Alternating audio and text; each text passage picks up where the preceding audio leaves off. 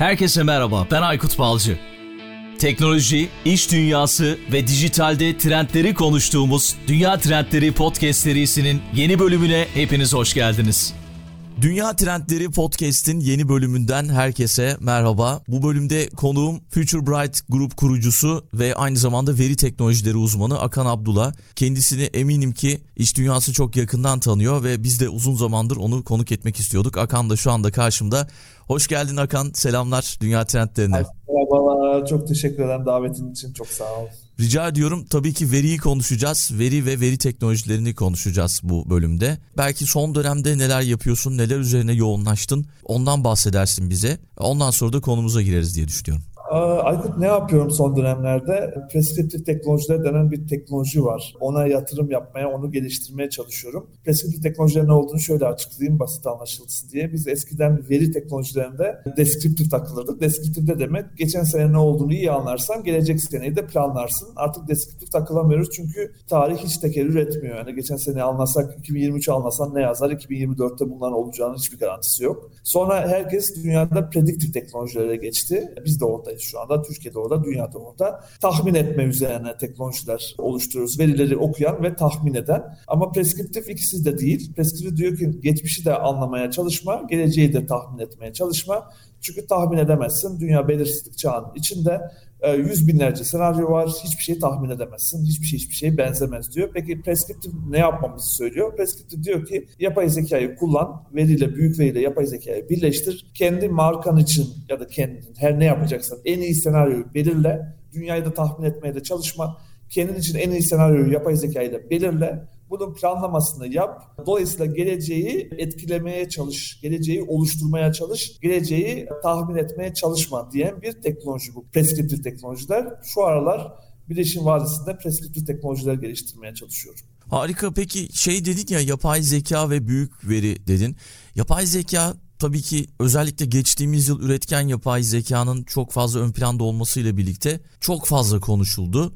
Şirketler de artık yapay zekanın olmazsa olmaz olduğunu düşünüyorlar. Hatta şirket yöneticileriyle ilgili bugün bir araştırma gördüm sanırım. Amerika'da yapılmış ama yani bütün şirket CEO'ları yapay zekayı şirketlerinde görmek istiyorlarmış. Yapay zeka ile büyük veri birleşince ne olacak? Belki bununla başlayabiliriz. Ya şöyle bir kere bir büyük veriyi bir tanımlayalım. Herkes teknik olarak bilmek zorunda değil. Çünkü bu kavramlar çok dönüyor ortalıkta ama aslında basit kavramlar. Ama bizler çok basit anlatmayı sevmiyoruz Aykut. Çünkü ne kadar daha kompleks anlatırsak işimizi yaptığımız işin çok kompleks olduğu zannedilmesini seviyoruz biz bizim gibi. Evet. Sonuçta ben basit anlatıyorum. Büyük veri ne demek? Bir kere onu bir oradan başlayayım. Büyük veri aslında dijital gözlemin sonucu. Dijital gözlem ne demek? Dünyada 3 milyar insan ki bu programı izleyen tahminim herkes e, iz bıraktığı her şeyi veriye döndürülüyor. Yani ve bu arada bunun bir oranı da var. İz bıraktıkları da sadece sosyal medyayı kastetmiyorum. Cep telefonu da bir iz, kredi kartınız da bir iz. Bunların hepsi aslında bu anlamda birer iz. Ve bunları veriye döndürüyor bir sistem ve bunların hepsi bir yerde topluyor. Buna da büyük veri deniliyor. E, toplam hayatımızda şu anda %40'ı ortalama olarak dijital gözlem ekonomisi içinde olan bizlerin hayatının yüzde kırkı veriye döndürülüyor Aykut. Yani ortalama Türkiye'de 78 yaşına kadar hadi 80'e yuvarlıyorum. Yaşadığımızı göz önünde bulundurursan 32 yılımız yani gerçi şey hadi onu da yuvarlayalım 40 diyelim 40 yılımız neredeyse veriye döndürülüyor. Korkunç bir veri var ortada. Ve şimdi yavaş yavaş aslında temelde bu iş yüzde 60'a doğru gidiyor. Nasıl gidiyor? Yapay zekayı da birlikte gidiyor. %60'a gittiğimiz zaman yani var olan büyük veriyle yapay zekayı birleştirdiğimizde ortaya çıkacak teknolojiler ki az evvel anlattığım bu preskriptif teknolojiler zaten yapay zeka temelli teknolojiler. Biz insan hayatının neredeyse %60'ını bıraktığımız izlerin %60'ını veriye döndüreceğiz Aykut. 80'in %60'ını alırsak 48 hadi yine yuvarlayalım 50 yıl. 50 yıl korkunç bir veri. Evet. Dolayısıyla e, aslında yaptığımız her, herkes şey e, günün sonunda işin mutfak tarafı var ve ön tarafta gösterdiğimiz şeyler var. E, atıyorum sosyal medyada işte eğlence satılıyor ama aslında bütün sosyal medya şirketleri bu anlamda veri işleme şirketleri. Teknoloji şirketleri. Aslında temelde e, hepimiz veri işleme işinin içindeyiz Aykut. Ön tarafta e, başka şeyler gösteriyor olabilir. Birileri sosyal medyada eğlence diyebilir, birileri teknoloji diyebilir. Ama arka tarafta bütün bu şirketlerin yaptığı iş aslında veri işleme. Yapay zeka ile büyük verinin birleştiği noktada daha da çok büyük bir veri ortaya çıkar ama bir şey daha çözülür Şimdi bizim verinin büyüme hızıyla veri işleyen teknolojilerin gelişim hızı aynı değil Aykut. Veriler inanılmaz derecede hızlı büyüyor, veri işleme teknolojisi geriden geliyor. Yapay zeka ile birlikte bu aradaki şey fark kapatılacak ve büyük veriyle o veriyi işleyen teknolojiler aynı hızda gelişmeye başlayacak. O zaman bambaşka bir dünya önümüze çıkacak ve bu e, veri işleme işi bambaşka bir seviyeye gelecek. Dolayısıyla büyük veriyle yapay zekanın birleştiği noktada en temel değişiklik verinin büyüklüğüyle veri işleyecek teknolojilerin gelişim hızını aynı seviyeye gelecek. Bunlar bir araya geldiği zaman veri işleme seviyesi bambaşka bir noktaya gidecek. Peki yani veri teknolojileri nereye götürür yapay zeka? Burada öngörün nedir? Valla şöyle söyleyeyim şimdi yani ben şeyi çok sevmiyorum. Distopik şeyler anlatmayı çok sevmiyorum. Onu söyleyeyim Aykut ama distopik şeyler de olabilir. Bunu göz ardı edemeyiz. Çünkü bu kadar yani hayatın 50 yılını bir veri işleme şirketi alıyorsa burada bambaşka şeyler konuşabiliriz. Ama gene de açayım ama çok da distopik olmasın çünkü birazdan daha pozitif bir şeyden anlatacağım ama şimdi bir kere temelde şunu konuşuyor olmamız gerekiyor. Veri işlemeyi nasıl yapacağız? Bu işin arkasındaki şeyler, etik kurallar nasıl işleyecek? Neleri işleyeceğiz? Ne kadar yönlendireceğiz? Çünkü korkunç bir yönlendirme de yapıyoruz. Mesela biz eskiden data işlemeyi şöyle görüyorduk. Sen izleri bırak, senin bıraktığın izlerden ben seni tanıyayım. Seni tanıdıktan sonra sana kişiselleştirilmiş bir hizmet vereyim. Bu matematik bir de kendi içinde bazı problemler barındırsa bile etik açısından kabul edilebilir matematikti. Şimdi oradan çıktık Aykut. Oradan artık veri işleme şirketlerinin böyle bir matematiğe sabrı yok. Artık veri işleme şirketleri şunu söylüyorlar. Sen iz bırakacaksın da ben seni tanıyacağım. Ben sana kişiselleştirilmiş. Ben buna vaktim yok. Ben seni o kadar yönlendireyim ki sen zaten öngörülebilir ol. O kadar yönlendireyim zaten sonucu ben şimdiden çıkarayım. Şimdi bu kadar yönlendirme başka bir meseleyi çıkartıyor önümüze Aykut. O da özgür irade. Ay bugün hiç distopik olmayacaktım ama birazcık distopik olacak. ama sana söndüreceğim bir şey. Şimdi özgür irade meselesi abi. Şimdi bu kadar data işlemek, hayatınızın yüzde altmışının dataya dönüştürüldüğü bir dünyada çok manipülasyonda açık oluyoruz. Şimdi açık söyleyeyim. Ve bu kadar yönlendirildiğimiz dünyada o zaman e, bin yıllık bir felsefe sorusu çıkıyor önümüze ki sadece felsefe sorusu değil bu. Aynı zamanda bütün kurduğumuz, insanlığın kurduğu bütün sistemlerin bazını oluşturuyor. O da irade. Yani iraden doğrultusunda bir şeyler yapıyorsun. İraden doğrultusunda ya cezalandırılıyorsun ya ödüllendiriliyorsun vesaire. Bütün sistem bunun üzerine çalışıyor. Ama %60'ı hayatının dataya dönüştürüldüğü dünyada ve bu algoritmalar, yazılımlar seni çok ciddi şekilde yönlendirmeye başladığı durumda o zaman şöyle bir temel soru çıkıyor. Ne? Ne kadar özgür irademle bir şey yaptım ve yaptığımdan sorumlu muyum? Bunu sorgulamaya başladığımız zaman bütün sistem yıkılıyor. Bin yıllık insanlığın kurduğu sistemin temelleri sarsılmış oluyor. Bu işin distopik tarafı. Distopik tarafta bunları hep tartışacağız. Bu veriyi ne kadar işleyebiliriz? Veriden bahsederken biz bugün beyin dalgalarını bile takip edebilip veriye döndürüyoruz. Soru sormadan beyin dalgalarının üzerinden ne hissettiğini görebiliyoruz. Şimdi buralarda inanılmaz bir şey var. Yani hem bir, bir taraftan etkileniyoruz bu teknolojiden ama bir taraftan da korkutucu bir şey de var burada. Evet. Yani korkularını görmek, arzuları okuyabilmek vesaire ve bunlardan yönlendirmek. Dolayısıyla burada bir kurallar konulması gerekiyor. Distopik tarafı şu, büyük veriyle yapay zeka hatta o nörobilim birleştiği noktada özgür irade konusu masaya konulmuş oluyor. Dolayısıyla bir sorumlu bir algoritma ve bir AI dünyası ihtiyacı ortaya çıkıyor. Bu işin negatif tarafı, en çok sorgulayacağımız, konuşacağımız. Pozitif tarafı ben yine de şunu söyleyeceğim. İlk defa bu korkular ortaya çıkmıyor. Hatta bu robotlar, AI'lar vesaire 60'larda mektup var. Zannedersem Nixon'a yazıyorlar. Sendikalar, otomotiv sendikaları yazıyor Aykut ve şöyle bir şey yazıyorlar mektupta. Duyduk ki otomotiv sektörüne robotlar gelecekmiş bizim işler ne olacak bu robotları durdurun diye yazıyorlar. O robotları kimse durdurmuyor. O robotlar o otomotiv fabrikalarına giriyorlar. O gördüğümüz büyük robotlar yerleştiriyor ya bir şeyleri. Evet. Peki o insanlar ne oluyorlar? Yok mu oluyorlar? Yok olmuyorlar. Daha önemli hizmetlere tarafına gidiyorlar. Dolayısıyla vakitlerini daha spesifik işlere harcamaya başlıyor ve de ellerini kollarını artık makineye kaptırmamaya başlıyorlar. Dolayısıyla bir taraftan da böyle bir hikaye de var. Yani evet biz her türlü yenilikten çok korkuyoruz insanlık bu anlamda korkuyor bir de seviyor bu tarzda teorileri çıkartmayı. Ama zaten bu robotlardır, bu yenilikler yeni değil. 60'lardan beri devam eden bir hareket. Dolayısıyla yapay zeka geldiği zaman insanlığın aslında bu anlamda çok otomatiğe bağladığı, çok da katma değeri olmayan o işlerin tümünü üzerine alacak. İnsanlık da vaktini aslında daha değerli işler için harcamaya başlayacak. Dolayısıyla Maslow piramidini düşünecek olursak insanlık bir tık daha bir seviye daha üste gidecek ve biz artık hayatımızı gereksiz işlere değil vaktimizi en değerli olan şeyimizi daha güzel ve daha katma değerli işlere harcayacağız. Çünkü insanlık yok olamaz. Bu arada insanlık niye yok olamaz?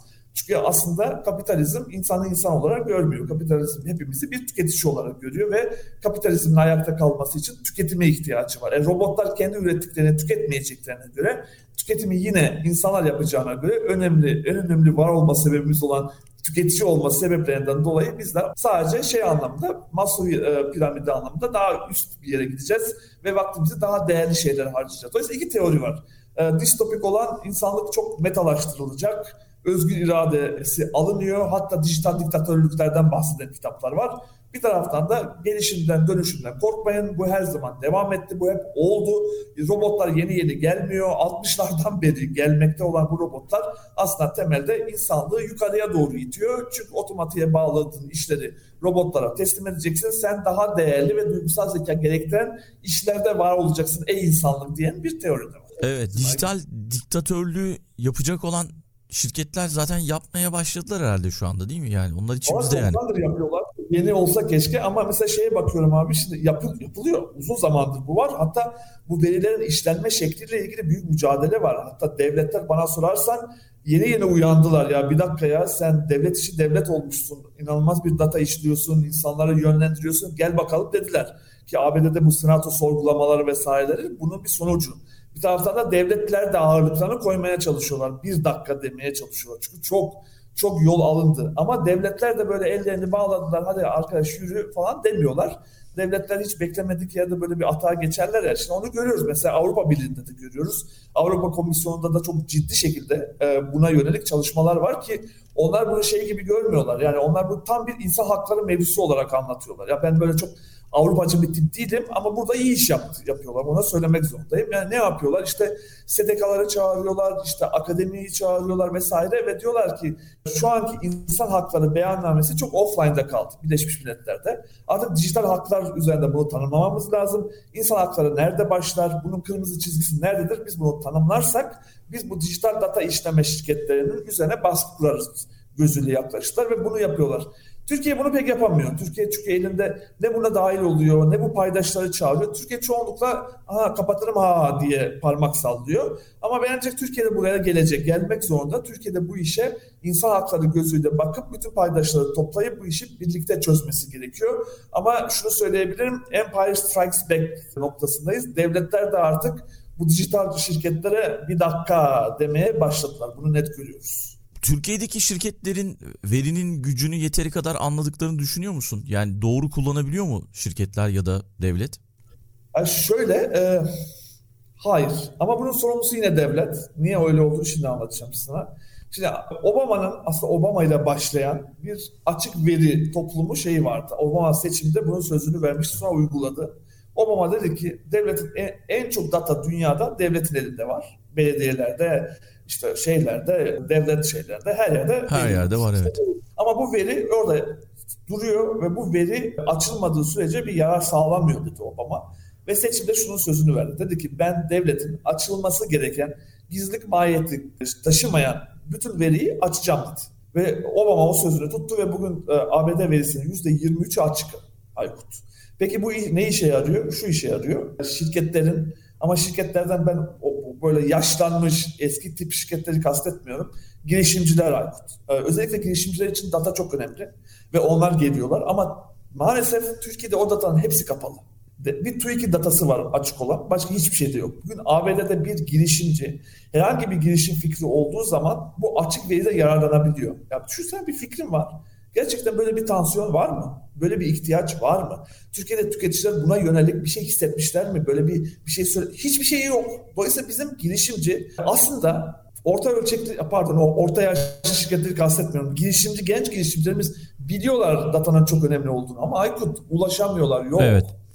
Bizim gibi data şirketleri bir girişimci için fazla pahalı. Biz data üretiyoruz burada ama bir girişimci bize bize o parayı veremez. Zaten girişimci. Dolayısıyla şu anda onun için ben kendi şirketlerimizi, girişimcilerimizi suçlamayacağım. Suç bizde. Yani şu anlamda bizim devlete baskı yapmamız lazım ve devlete şunu söylememiz lazım. Belediyelerinde gizlilik özelliği taşımayan verileri açtır. Atıyorum bir kış kar yağmış ne kadar tuz döktün yollara ya da ey belediye ne kadar otobüslerin geç kaldı vesaire bu verinin hiçbir gizliliği yok. Bunu dahi açmıyorlar. Bunları aç ki girişimci bir fikir bulduğunda gerçekten bu datadan yararlansın ve hani biz oltayı karanlığa atıyoruz. Tutturabilirsek. Ama karşımızdaki rakipler ki dünya artık bir rekabet alanı ABD'deki rakiplerim datayla bu işi yapıyorlar. Onun için benden öne çıkıyorlar. Onun için bu anlamda bu şirketleri suçlayamayacağım. Evet data çok kullanmıyorlar ama onların suçu değil. Bir girişimci profesyonel data şirketiyle çalışmak için büyümek zorundadır. O seviyeye gelmeden önce devletin açtığı datalarda yararlanmak zorundadır.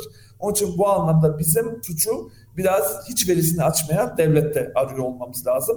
Birazcık oraya baskımızı artıracağız ki girişimcimiz o veriye ulaşsın. Onun için sorunun cevabı şu. Evet hiç kullanmıyorlar data girişimcilerimiz ama evet onların suçu değil.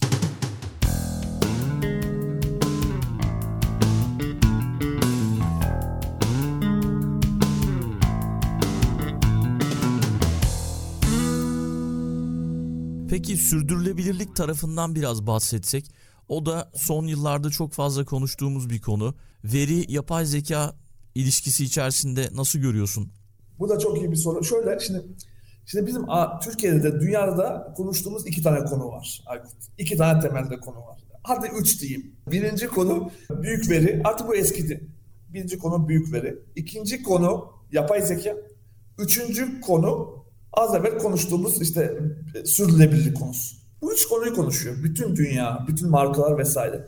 Şey geçeceğim şimdi. Büyük veri geçeceğim ama biraz yapay zekayla sürdürülebilirlik konusu çünkü bütün markalar şu anda Türkiye'de 2024'ü konuş ne konuşacaksınız diye soruyorum. Diyorlar iki şey konuşacağız. Birisi diyor sürdürülebilirlik, iklim, dünya, dünyanın iklimine dost ürünler üreteceğiz ve bununla ilgili iletişim yapacağız. İkincisi ne konuşacaksınız? Teknoloji konuşmak istiyoruz. Yapay zeka. Şimdi bu iki kavram çok güzel. Moda, herkes konuşmak istiyor ama bu evet. iki kavram bile inanılmaz çelişkili kavramlar. Şimdi onu anlatacağım. Niye? Çünkü sürdürülebilirlik iklim dostluğundan bahsediyorsa bir kere yapay zeka teknolojisi üreten bir şirket olarak söyleyeyim. Hatta belki de itiraf edeyim hepimiz adına. Çünkü hepimiz biliyoruz ama hiçbirimiz konuşmuyoruz.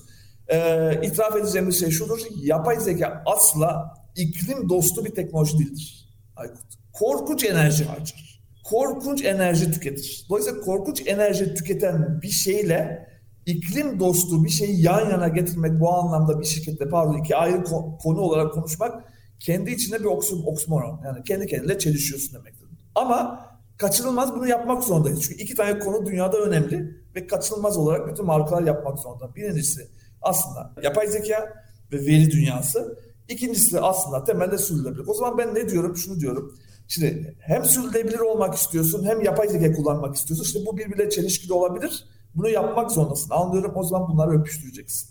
İki ayrı konu olarak çalışamazsın. Yani ne yapacaksın? Yapay zekayı kullanmak çok enerji harcıyor. Dolayısıyla bu anlamda çok eco-friendly dediğimiz yani dünya iklim dostu bir teknoloji değil. Ama yapay zeka problem çözmede çok ileriye gitmiş bir teknoloji olduğu için o zaman sürdürülebilirlik problemlerini yapay zeka ile çözmeye çalışacağım dersen bir mantık yakalarsın orada. Bu ne anlama geliyor? Evet yapay zeka çok enerji harcıyor ama yapay zeka ile bu sürdürülebilirlik, iklim problemlerini çözmeye kalkarsam burada yarattığım zararın yani yapay zeka ile yarattığım zararın kat ve kat iyiliğini sürdürülebilirlik konusunda yaratacağım için orada bir denge yakalarım diyebiliriz. Onun için aslında bu anlamda markalara da söyleyeceğim şey şu iki ayrı konu olarak bunlara çalışırsanız kendi içinizde bir çelişki yaratırsınız. Tüketici bu çelişkiyi yakalar zamanla. Çünkü öğrenir yapay zekanın hiç sürdürülebilir bir şey olmadığını. Ee, peki ne yapmanız gerekiyor? İklim sürdürülebilirlikle yapay zekayı birleştirip yapay zekayı kullanarak iklim sorunlarını nasıl çözerim benim kategorimde sorusunun cevabını ararsan buradan yarattığın zararın kat ve kat şeyini buradan telafi edersin. O zaman da mantıklı bir noktaya gelirsin. Onun için benim de 2024'te ve bundan sonra öngördüğüm şey bu iki kolonu ayrı olarak, iki ayrı kolon olarak çalışmayacak markalar ikisini bir arada çalıştıracaklar. Çok haklısın gerçekten bu çelişkiler de çok fazla karşıma çıkıyor benim. Yani bir tarafı yaparken diğer taraftan zarar veriyoruz şeklinde. Ki en büyük örneğini geçtiğimiz günlerde Almanya'da görmüştüm. İşte e-reçeteye daha yeni geçti Almanya. Bir Alman bakan çıkıp şey dedi. Yani bu teknolojiyi kullanıyoruz ama diğer taraftan da işte bilgisayarlar daha fazla çalışıyor, daha fazla veri üretiyor, daha fazla data tutuyoruz, daha fazla zarar veriyoruz gibi gibi e, bir şey söylemişti. Doğru bu arada yanlış değil çünkü bir taraftan şey diye düşünüyoruz işte Almanya şeyi çok seviyor ya mektuplu iş çözmek evet. vesaire. Ama işte biz gerçeği söylemek zorundayız çünkü o zaman neden bunu yaptığını da mantığını da çözebiliyoruz. Hatta şöyle şeyler konuşulur işte generatif şey yani böyle mesleklerin yerine AI gelecek. Artık reklamcılar olmayacak, avukatlar olmayacak. Ben de şunu söylüyorum. Şu an AI'ın geldiği yerde yere baktığımızda insanla bu işlerin çoğunu yapmak daha az maliyetli dünya için gibi görünüyor. Dolayısıyla hala o yerde değiliz. Dolayısıyla biz AI'yı problem solving için dediğimiz problem çözmek için kullandığımız zaman anlamlı bir şey yapıyoruz. Meslekler içerik yaratmak için AI'yı kullandığımız zaman insanla bunu yaratmak ya da mektupla bunu çözmek hala daha mantıklı. Bu kadar datayı biriktirmekten, işlemekten, o datayı korumaktan, o datayı depolamaktan yarattığımız maliyet bu insana yapacağımız işten çok daha yüksek. Onun için bu anlamda içerik üretmek mi yoksa problem çözmek mi sorusunda şu anda en çok büyük tartışmalardan bir tanesi o. İçerik mi üretecek AI, yapay zeka yoksa problem mi çözecek? Ben size sana söyleyeyim. Gelecek 5 yılda biz içerikteki insan yerine AI'yi geçirme noktasında mantıklı bir yerde değiliz. Ama problem çözmede kesinlikle şu anda oradayız. Dolayısıyla biz yapay zekayı problem çözmek için kullanıyor olacağız. Bizim yapmamız gereken problem çözmede kullanmak içerik üretmekte hala insanla devam etmek en azından bir süre daha mantıklı gibi görünüyor. Bence de şu an tabii içerik üretmede çok daha fazla kullanılıyor ama deniyoruz herhalde şu anda. Değil çok mi? Deniyoruz. E, tabii dene, deneme döneminde olduğu için ama çok kısa zamanda şunu göreceğiz.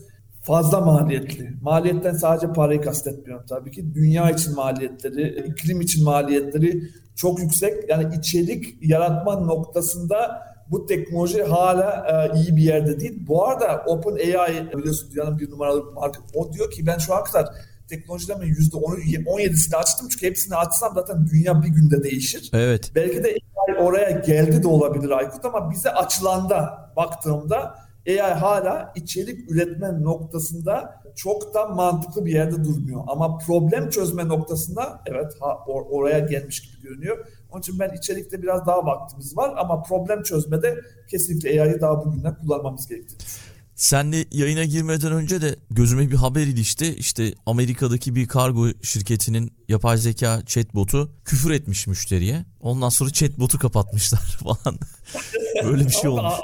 Aynı bizden öğreniyor. Yani gün sonunda yapay zeka ne? Yani beyin gibi ya. Mimik, beynin mimiği zaten. Yani beyin nasıl öğreniyorsa ve gelişiyorsa. Arada şunu da söyleyeyim o zaman. Yapay zeka bu arada biz mesela bir teknoloji geliştiriyoruz. Kendi yapay zeka teknolojilerimiz var. Bunu sisteme atıyoruz. Yani o dijital sisteme atıyoruz. Yani ilk, e, ilk belki bir senede bize sonuç getirdiği zaman nasıl getirdiğinin mantığını anlıyoruz. İkinci, üçüncü seneden sonra o kadar etkileşimden değişiyor ki mesela bana bugün yapay zeka teknolojilerin bir sonuç getiriyor bir konuda atıyorum bir kategoride bir şey soruyorum yapay zekaya ve gidiyor bir ton datayı tarıyor ve bana bir sonuç getiriyor. Ben o sonucu nasıl getirdiğiyle ilgili hiçbir fikre sahip değilim. Yani evet. onu söyleyeyim. Yapay zeka öyle bir şey ki kendi kendine öğrendiği zaman bir noktadan sonra artık sana dahi ait değil bu anlamda. Onun için şunu anlamak lazım. Beyni mimik eden bir teknoloji. Dolayısıyla kendi başına e, bu anlamda öğreniyor ve bir zaman sonra e, onu ancak kullanıcısı olabiliyorsunuz. Onun sahibi olmak birazcık zor. Çünkü nasıl öğrendiğini, nasıl çözüm getirdiğini bilmiyoruz. Gerçekten bilmiyoruz. Çünkü atıyoruz bir sisteme ve o AI ve o algoritmalar başka algoritmalarla etkileşime geçiyor ve her etkileşimden öğreniyor. Öğrendikten sonra değişmiş olarak bana geriye dönüyor ve ben bir noktadan sonra ya bu benim mi, kimin bu ürün noktasının cevabını bulmakta zorlanıyorum açıkçası. Bir de o doğru olup olmadığını da sorgulamadığımızı fark ettim ben. Çok özür dilerim Aykut bu küfür muhabbetine geleceğim. Evet. E işte atıyorsun ya o küfrü Allah bilir nerelerde öğrendi tamam mı? O girdi o sisteme. e şimdi evet. taramaya başladı. Taradıkça öğrenmeye başladı ya. İşte demek ki o dünyanın Ama küfür çok komik ya bu arada. Ama demek ki o dünyada o müşteri temsilcilerin duyguları böyle. Yani bu sorular geldiğinde içinden küfür etmek gerekiyor. Onu öğrendi. Kendisine tutma ihtiyacı duymadı. Dolayısıyla kimsenin yapamadığı müşteri hizmetlerinde yapmış gibi görünüyor. Ve emin ol o algoritmanı hani kapatmışlar ya şey emin ol nerede öğrendiğiyle ilgili hiçbir fikirleri yoktur. Onu evet belki müşteri bile öğretmiş olabilir. E, tabii tabii müşteri öğretmiş olabilir, başka şey algoritmalar öğretmiş olabilir. O nereden etkileşime geçti ve o küfrü nereden öğrendi ben eminim algoritmanın sahibi ancak şey düğmeyi tıklayıp kapatmakla çözmeye kalkışmıştır. Bilmiyordur bile. Evet evet. Öğreniyor, ilk yapıyor yani. Yani şey bir de bu yapay zekadan gelen bilgileri de sorgulamıyoruz. Doğru olduğunu kabul ediyoruz. Geçen mesela bir yayın izledim. Oradan bir bilgi aldım. Sonra bunu podcast'te referans vermedim ama yani bunu bir yayında duydum dedim ve verdim. Sonra bir dinleyicimiz yazmış. Yanlışmış bilgi. Sonra kendime kızdım yani. Sen niye güveniyorsun ki o yayına? Geçen aynı şey bizlerin bir arkadaşım Harvard Business Review dergisinin yayın yönetmeni İstanbul'da Serdar Turan aynısını yaşamış Aykut. Yani bir hoca gelecekmiş İstanbul'a. O da onun tanıtımını yapacakmış. Yapay zekaya sormuş hocayı. O yapay zekada Harvard Üniversitesi'nden hoca olduğunu söylemiş. Sonra böyle bir şey demiş ya bu arada konuşmayı da hazırlamış seslenecek söyleyecek vesaire. Sonra ya demiş ki ben Harvard Business Review'da çalışıyorum. Bütün hocalarla yakın adam. Ya ben hiç bu adamı duymadım demiş. Girmiş abi Google'a. bir bakmış ilgisi yok. Rezil olacakmış adam yani. Düşünsene hoş geldiniz Harvard Business'ten hocamız vesaire. Sonra gidip şey demiş. Yapay zeka niye böyle yapıyorsun? niye kandırıyorsun? Evet haklısın şu şu üniversitede aslında gerçekte falan demiş yapay zeka. Dolayısıyla hala baby steps yani bebek adımlarındayız unutmamak lazım. Dolayısıyla çokça fazla şey var, e, yalan yanlış bilgi var ve yapay zeka gün sonunda onları öğreniyor. Ama zamanla bu yüzde 40 olan yüzde 60'a çıktığı zaman izlerimiz arttıkça o zaman konfirme etme kaynakları çoklaşacak. Yani Wikipedia gibi düşün Aykut. Yani birkaç kişi aynı şeyi söylediğinde o gerçek olarak kabul ediliyor Wikipedia'da. Dolayısıyla bazı konularda bu izler yüzde 60'lara çıkıp arttıkça bu işin doğrulara, doğruluğu da artmış olacak. Biz hala bebek şeylerindeyiz, adımlar. Doğru, doğru kesinlikle doğru. Bir yayında, senin yayınında yani Serdar Kuzuloğlu ile yaptığınız yayında sanırım izlemiştim. Orada böyle Türkiye ile ilgili artık öngörüler mi diyeyim, verilere dayalı e, bir takım şeyler söyledin. Tekrara girmezse yani bahseder misin? Çok ilginç gelmişti çünkü. Böyle söylüyorum sürekli. Şimdi biz işte az evvel yapay zeka algoritmalar dünyası. Peki bu algoritmalar dünyası hani özgür irade muhabbeti vardı ya. Orada aslında şöyle söyleyeyim. Özgür irademizin çalınmasının yollarından bir tanesi aslında şöyle düşün. Herhangi bir sosyal medyanın ismini vermeyeceğim ama bir sosyal mecraya girdin ve hesabını açtın. Yani şimdi biz soruyoruz gençlere niye orada bir hesap açtın? Hep şunu söylüyorlar Aykut. İşte özgür olmak için, kendimi yaşayabilmek için vesaire. Ben gençlere sürekli şunu söylüyorum. Ya sosyal mecralarda her şey olabilirsiniz ama özgür olamazsınız. Çünkü sosyal mecralarda algoritmalar yani yazılımlar var ve bu yazılımların aslında kodlarını biz insanlar yazdık Peki neleri yazdık orada? Şunları yazdık. Beyin kusurlarıyla ilgili son 50 yılda pazarlamadan ne öğrendiksek bunları kodladık ve o algoritmaların o yazılımların içine verdik. Öğrendiğimiz beyin kusurlarından bir tanesi şu ve bunu algoritmalara verdik ve o algoritmalar onunla ilgili ne yaptığını anlatacağım. Şunu öğrendik biz 50 yıllık pazarlama araştırmalarımızda. İnsanın en önemli kusurlarından bir tanesi kendine benzerleriyle bir araya geldiği zaman, kendisi gibi düşünenlerle bir araya geldiği zaman mutlu oluyor. Niye kusur olduğunu şimdi söyleyeceğim. Mutlu olduğu zaman daha çok tüketiyor. Tüketimi sadece şey olarak, ürün olarak düşünme, içerik olarak. Şimdi niye bu kusur? Çünkü sürekli kendine benzerlerle bir arada olduğu zaman hiçbir şey öğrenemezsin ki. Bu bir kusur. Yani duygusal zekan da gelişmez. Bir şey de öğrenemezsin ama öyle çalışmıyor beynimiz. Beynimiz seviyor. Peki biz bunu algoritmaya öğrettiğimiz zaman aslında algoritma ne yapar? Şunu yapar algoritma. Der ki bu insana daha çok bu sosyal medyada tükettirmek istiyorsam bu arkadaşlar arasında sadece benzer ona benzer olanları gösterin. Atıyorum bir tane e, sosyal medyaya üye oldun. Bin tane de takipçin var ya da bin tane arkadaşın ya da bağlantın var. Ve sen bu bağlantının bin tanesini de takip ettiğini ve Türkiye'yi onun üzerinden anladığını düşünüyorsun. Çünkü o da her türlü hayat tarzı var, her türlü fikir var, her türlü yaş aralığı, her türlü sosyoekonomik grup var. Ve diyorsun ki ben bütün Türkiye'yi bin kişiden nasıl görmem? Burada her şey var. Ben Türkiye'yi buradan anlayacağım. Öyle çalışmıyor sistem. Çünkü o bin kişi arasından algoritma neyi yapıyor biliyor musun? Sen izler bıraktın ya, seni bir yere şey yaptı ya, koydu ya dedi ya bunun profili böyle, profilledi seni. Bu sefer gitti o bin kişinin arasından senin profiline en benzer profilleri ayırt etti. Ve bundan sonra senin hayatın boyunca görüp göreceğin o 5, 10, 15 kişidir. Geri kalan 900 kişiyi hiçbir zaman görmeyeceksin. Çünkü algoritma bunları sana gösterirse mutsuz olacağını düşün. Çünkü onlar senden farklı düşünüyorlar. Tüm Türkiye'yi evet temsil ediyorlar ama sen tüm Türkiye'yi görürsen mutsuz olursun. Sen seninle benzerleri gördüğü zaman mutlu oluyorsun. Peki bu sana ne yapıyor? Buna bu arada bu kavramın ismi yankı odası Aykut. Yani sen geniş olan dünyanın küçüldü şu anda. O 1 artı 15 kişisiniz orada. Toplam 16 kişisiniz. Hepiniz birbirine benziyorsunuz. Niye yankı odası deniliyor? Orayı dinlerken Türkiye ile ilgili bir şey öğrendiğini zannediyorsun. Oysa ki sesin yankılanıyor. Kendi sesini duyuyorsun ama bir şey öğrendiğini zannediyorsun. Peki şimdi oradan şeye bağlayacağım, senin soruna bağlayacağım. Hepimiz Aykut yankı odalarının içindeyiz. Herkes kendi profilinin yankı odasının içinde. Herkes çok haklı. Herkes çok beğeniliyor. Herkes şeyler kalpler kalpler kazanıyor. Niye evet. kazanıyor? Çünkü bütün içeriklerimiz bize benzerlere gösteriliyor. Bu sefer biz ne zannediyoruz? Zannediyoruz ki ben ve bana benzerler demek ki biz bak herkes beni beğendiğine göre demek ki normalin temsiliyeti benim. Bana benzemeyen bir kişiyi gördüğüm zaman o farklı bir fikir değil, anomalidir. Zaten yok olması gerekir. Çünkü baksana bütün çoğunluk herkes beni beğeniyor. Demek ki ben haklıyım. Onun için herkes herkesi linçliyor. Hiç kimse hiç kimseyi dinlemek istemiyor. Çünkü herkes çok haklı olduğu bir odadan geliyor.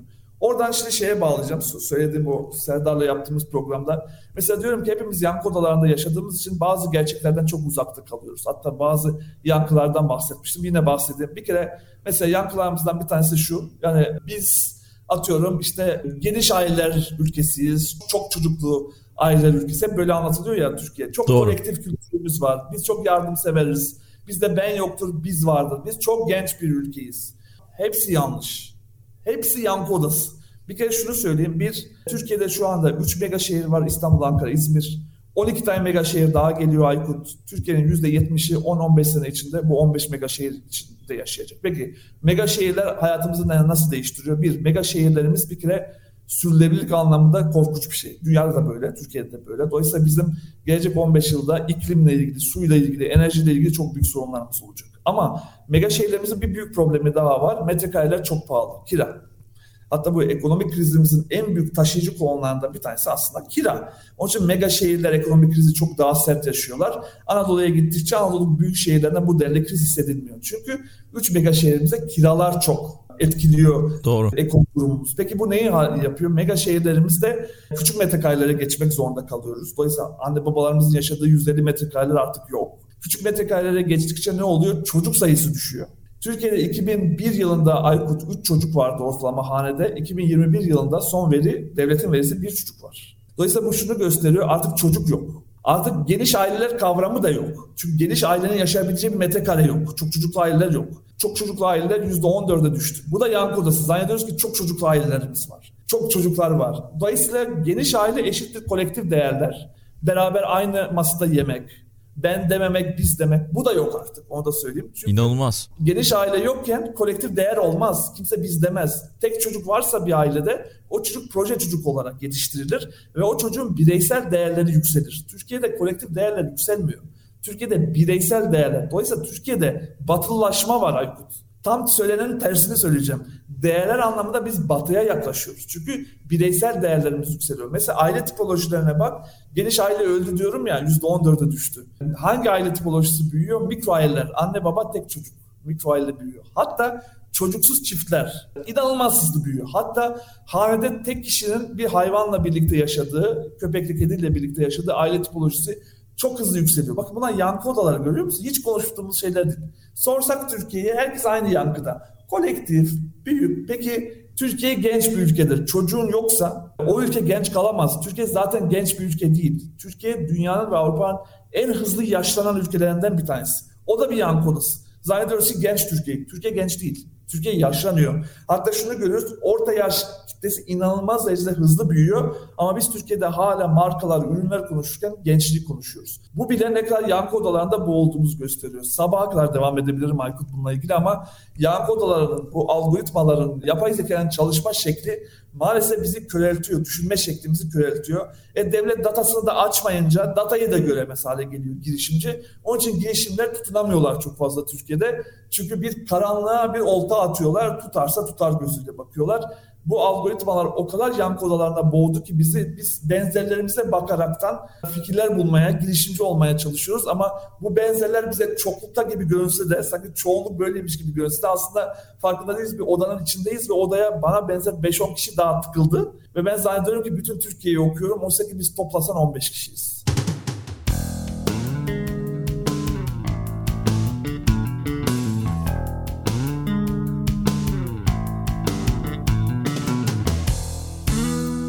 Doğru çok doğru söylüyorsun. Hatta birkaç konuğum da seni referans göstererek şöyle örnekler vermişti podcast içerisinde. Akan Abdullah'ın yankı odaları örneği. Yankı oda hatta Akan Abdullah'ın yankı odaları. Yani o senin yankı odaların diye söylemişti. Şey örneğini verdin ya hani artık büyük şehirler çok daha fazla olacak diye. Ama bir yandan da gözlemlediğim kadarıyla insanlar artık özellikle o yaşlı diyebileceğimiz annelerimiz babalarımız onlar büyük şehirleri terk ediyorlar ve yazlıklarda yaşamaya başladılar. Dolayısıyla ekonomik açıdan da o yazlık bölgelerinin nüfusları artmış durumda. Oralar da pahalılanmış durumda. Böyle bir gözlemim var benim. Doğru bir gözlem bu arada. Onu şöyle ekleyeyim. Konda verisiyle söyleyeyim. Konda onlara mazbut modernler diyor. Şunu söylüyorsun. Endişeli modernlerin anne babaları. Endişeli modernler kim? Genç, eğitime önem vermiş anne babaların çocukları bugün işte şeylerde uluslararası şirketlerde çalışıyorlar. Beyaz yakalılar çalışıyor. Peki anne babaları niye İstanbul'da tutunamadılar? Çünkü memuriyetten şey oldular. Emekli oldular diyelim. Emekli oldular cümleyi kuramadım. Emekli oldular ve memuriyetin emekli oldukları için çok mazbut bir hayat yaşamak zorundalar ve tutunamıyorlar. Ama oran olarak çok küçüldükleri için orta direkt büyüyor bu arada ama o o kitle küçülüyor %8'lere düştü. Onun için onların aslında bu anlamda şey şey yazlıklara gitme noktasındaki şeyini etkilerini görüyoruz ama toplam Türkiye'nin datasına etkileri o denli yüksek değil. Onun için bu anlamda tüketimde e, mazbut bir hayat yaşadıkları için aslında yaptıkları şey temelde bizim için domates işte salça üretip bize salçayı gö- göndermek. Yaptıkları şey bu. Doğru. Ama ekonomi ekonominin üstünde çok fazla etkileri olmadığı için çok toplam datalar içinde çok fazla onlar üstünde durmuyoruz maalesef. Öyle bu mazbut modernlerin şeye gitme Ayvalık'a yerleşmelerinin Burhaniye yerleşmelerinin ana sebebi tutunamıyorlar. Evet bir Çok de şey yani çocuklar büyüyene kadar biliyorsun onlar bakıyor. Dünyada var mı örneği bilmiyorum da yani çocuklar yuvaya, kreşe başlayana kadar onların şeyi büyük. Öyle öyle bir hala hala devam ediyor ama onlardan sonra Allah uzun ömürler versin hepsi. Benim annem babam da hayatta bu anlamda. Ama o, o, o dönem kapandıktan sonra emin ol ki bizim anneannelerimiz, dedelerimiz öyle olmayacak. Olmayacak. Kesinlikle olmayacak. Bizimkiler bireysel, bireysel değerler uçmuş olacak. Kreşe veriyorsan ver olacak. Açıkçası. Evet. Biz, biz öyle çok bakım sağlayan anne babalar tahminim olmayacağız. Bireysel değerlerin. Ben bu arada özlüyorum da o kolektif değerlerin de değerli olduğunu düşünüyorum. Doğru. Mesela biz yaşadığımız şeyde anne babam benim 10 dakika uzakta, eşimin anne babası 10 dakika ve benim küçük kızlarım hep onlarla büyüdüler. Ama ve ben bu değerleri hoş görüyorum. Yani çok hoşuma gidiyor. Bakıcıları da var ama bu anlamda çünkü çalışan ne çalışan baba ama on, anneanneyle, e, babaanneyle oldukları zaman çok bambaşka güvende hissediyoruz ya. Ama bizim jenerasyonumuz yaşlanıp da emekli olduğunda bizim jenerasyonumuz o denli yardımsever ve kolektif değerleri yaşayacağını ben düşünmüyorum. Doğru haklısın. Ya bir de mesela yani onların erken emekli olmaları da çok etkili. Mesela Almanya tarafında bakıyorum benim annemin yaşındaki kişiler hala çalışıyorlar. Karşıma çıkıyor şeyde markette işte farklı farklı sektörlerde Allah Allah diyorum ya. Annem yaşında yani hala çalışıyor. Aynısı Türkiye'de de olacak. Bunun sebebi şu. Yaşam süresi artıyor. Türkiye'de bu arada yaşam süresi 78 saat ortalama diyelim 80'e kadar çıktı dünya ortalamasının üzerine çıktı. Bunun ana sebebi yine iç göç. İlçelerden büyük şehirlere, büyük şehirlerden mega şehirlere göç ettikçe gelişmiş sağlık sistemiyle karşı karşıya kalan vatandaşlar, yurttaşlar bu sağlık sistemine yararlandıkları için ömürlerini uzatıyorlar. Bu da şuna götürüyor Doğru. insanı.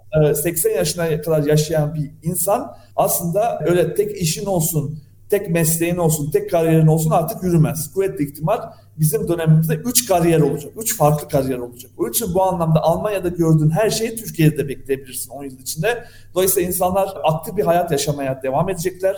Enerjik bir hayat yaşamaya devam edecekler. Çünkü yaşam süresi bu kadar artan bir dünyada 30 sene 40 sene emekli olarak yaşayamaz mümkün değil. Doğru, doğru. Peki veriye dayalı şirketlere geri dönecek olursak böyle başarılı örnekler verebileceğin neler var bize? Ya ma- şey, maalesef veriye dayalı işte başarılı örnek olarak vereceğim şirketlerin hepsi e, çok fazla veri işleyebildikleri için başarılılar. Atıyorum ne söylesem banka söyleyeceğim. O da kredi kartlarından olacak. Ürün o.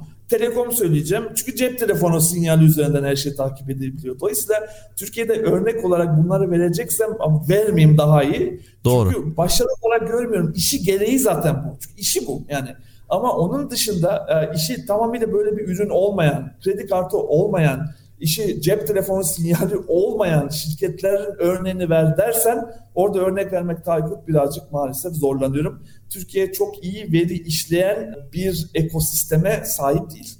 Zaten şeye baktığımızda e, bir bir kere teknoloji yeterince geliştiremiyoruz. İki, datanın tümünü şeyden çekmeye çalışıyoruz. Başkasının altyapısından. Bir sonra bu sosyal mecraların oturttuğu e, altyapıların hiçbirisi bize ait değil. Yani dolayısıyla baktığın zaman yeterince teknoloji geliştirmediğimiz için, kendi altyapılarımıza yatırım yapmadığımız için bu işi gereği data işleyen şirketlerin dışında marka saymakta birazcık açıkçası zorlanıyorum Aykut. Sektör olarak belki dediğin gibi bankacılık işte açık bankacılık mesela başladı. Evet şu anda açık bankacılık başladı. Ee, hala tam olarak açık bankacılık olmadı Türkiye'de. Hala günün sonunda hesaplarını takip edebiliyorsun bir dashboard'tan ama işlem yapamıyorsun aynı yerden. Ama bu bir başlangıç. Dolayısıyla bu anlamda açık bankacılık e, bu, e, bu anlamda gelecek için data işlenmesi açısından çok anlamlı olacak gibi görünüyor. Ama bankacılık işte şey telekom dışındaki sektörlerin çok data işlemede advanced olduğunu söyleyemiyorum Türkiye'de. Bir de insanlar o açık bankacılığa çok güvenmediler herhalde. Ben niye başka bankaya ya vereyim ki? Yanlış, şöyle yanlış anlattılar. yani Bankalar anlatamadılar evet. Baktık biz ona niye güvenemediler? Niye bu tutmadı vesaire? Çünkü herkes şöyle anlattı. Şifrelerini hatırlama, ana gerek yok. Şifrelerin hepsini hatırlamak, bütün bankalar şifrelerini hatırlamak çok zor. Çok zor olduğu için aman tek yerden dashboard. Bütün bankalar aynı anlamda. Sonra biz gittik bu tüketiciye dedik ki Tamam sana anlatmışlar da bu reklamı görmüşsün ama ikna olmamışsın. Neden ikna olmadın? Ne söyle, tüketicinin ne söylediğini söyle. Tüketici diyor ki bir, ekonomik kriz içindeyim. İki, ekonomik kriz içinde olduğum için rekabette yararlanmam lazım. Dolayısıyla e, bankanın benim ne yaptığımı görmüyor olması lazım. Bankalar, dolayısıyla ben her bir bankanın app'inden, mobil internetinden ayrı ayrı yararlanıp ayrı ayrı ona sunduğu faydalardan yararlanmak istiyorum. Hepsini de teker teker takip ediyorum. Dolayısıyla aslında şeyin motivasyonun kolaylık değil kontrol olduğunu Dolayısıyla herkes bir kontrol dünyasında yaşamaya çalışıyor. Çünkü herkes bütçesini kontrol etmek istiyor. Motivasyon bu kadar kontrol olduğu bir dünyada bütün iletişimi kolaylık üzerinden, şifre hatırlama üzerinden yaparsan tabii ki duvara toslarsın. Bütün bankalar bu anlamda Aykut duvara tosladılar. Ama şu anda farkındalar bu işin şu halde tutmayacağını ama onlar da şeyi bekliyorlar. O yeni kanunların tam olarak çıkması ve açık bankacılığın tam olarak açık olması.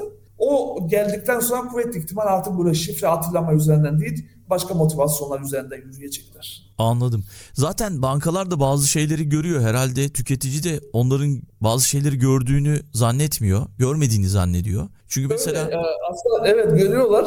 her şey sistem aynı her şey bağlandığı sistem, ortak sistemler var. Ama tüketici diyor ki e, bir kere şöyle söyleyeyim sana. Şu anda biz eskiden şunu konuştuk bankacılıkta. Kredi kartında tüketici tek kredi kartına inmek istiyor. Bankacılıkta da tek bankaya inmek istiyor. Ben söyleyeyim sana geçenlerde biz bir araştırma yaptık. Banka sayısı 5'e çıkmış ortalama.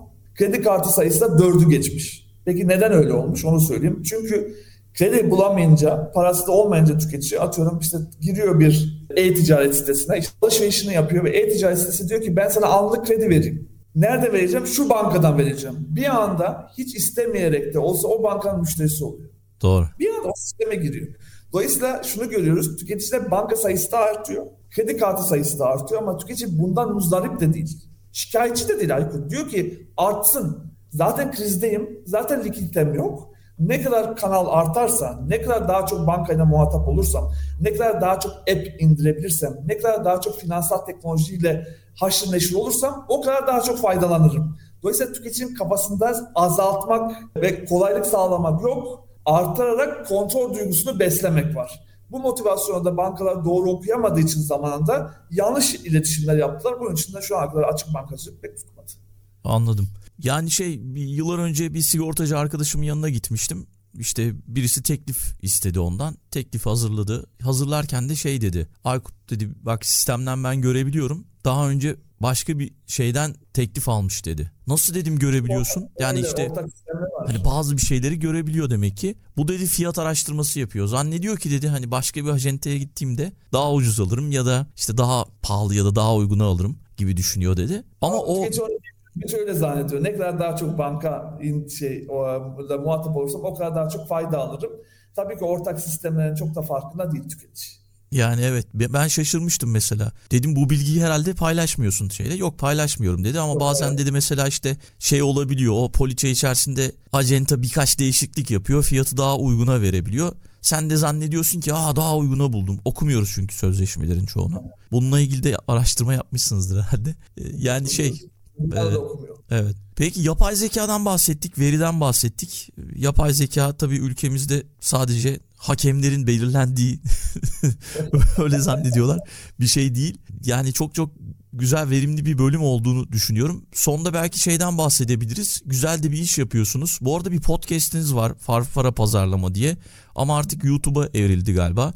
Onun Evet, yüzlerce farfara YouTube'a döndü. Biraz sadece podcast değil, biraz video şeklinde yayınlamaya başladık. Çok da ilgi çekti şu ana kadar. evet bir de onun bir jenerik müziği var. Müthiş gerçekten. Yani ödüllük bence.